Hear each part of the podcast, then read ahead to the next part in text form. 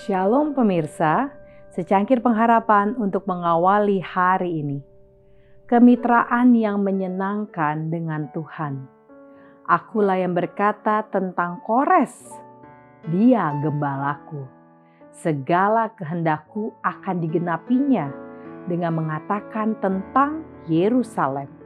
Baiklah ia dibangun dan tentang baik suci, baiklah diletakkan dasarnya Yesaya 44 ayat 28. Allah bekerja melalui orang yang dikehendakinya.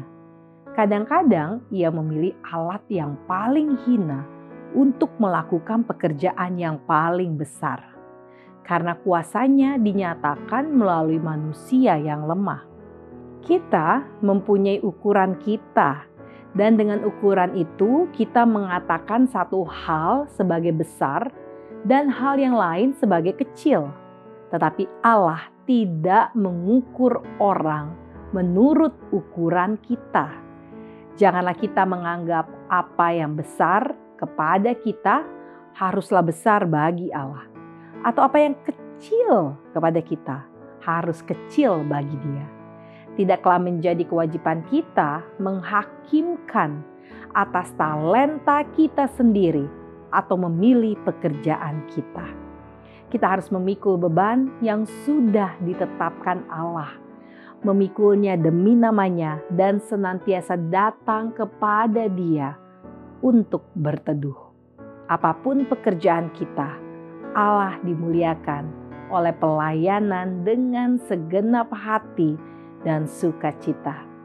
Ia berkenan bila kita menerima kewajiban kita dengan syukur bersuka cita bahwa kita dianggap berharga untuk menjadi pekerja-pekerja bersama dengan dia.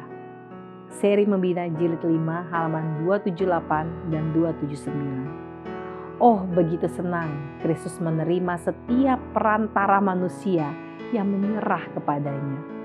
Dia membawa manusia ke dalam persatuan dengan ilahi supaya dia dapat menceritakan kepada dunia rahasia kasih yang menjelma itu. Bicarakan itu, doakan itu, nyanyikan itu, sebarluaskan pekabaran tentang kemuliaannya, dan lanjutkan terus ke daerah-daerah seberang. Khotbah di atas bukit halaman 54. Demikianlah renungan kita hari ini. Selalu mulai harimu dengan secangkir pengharapan.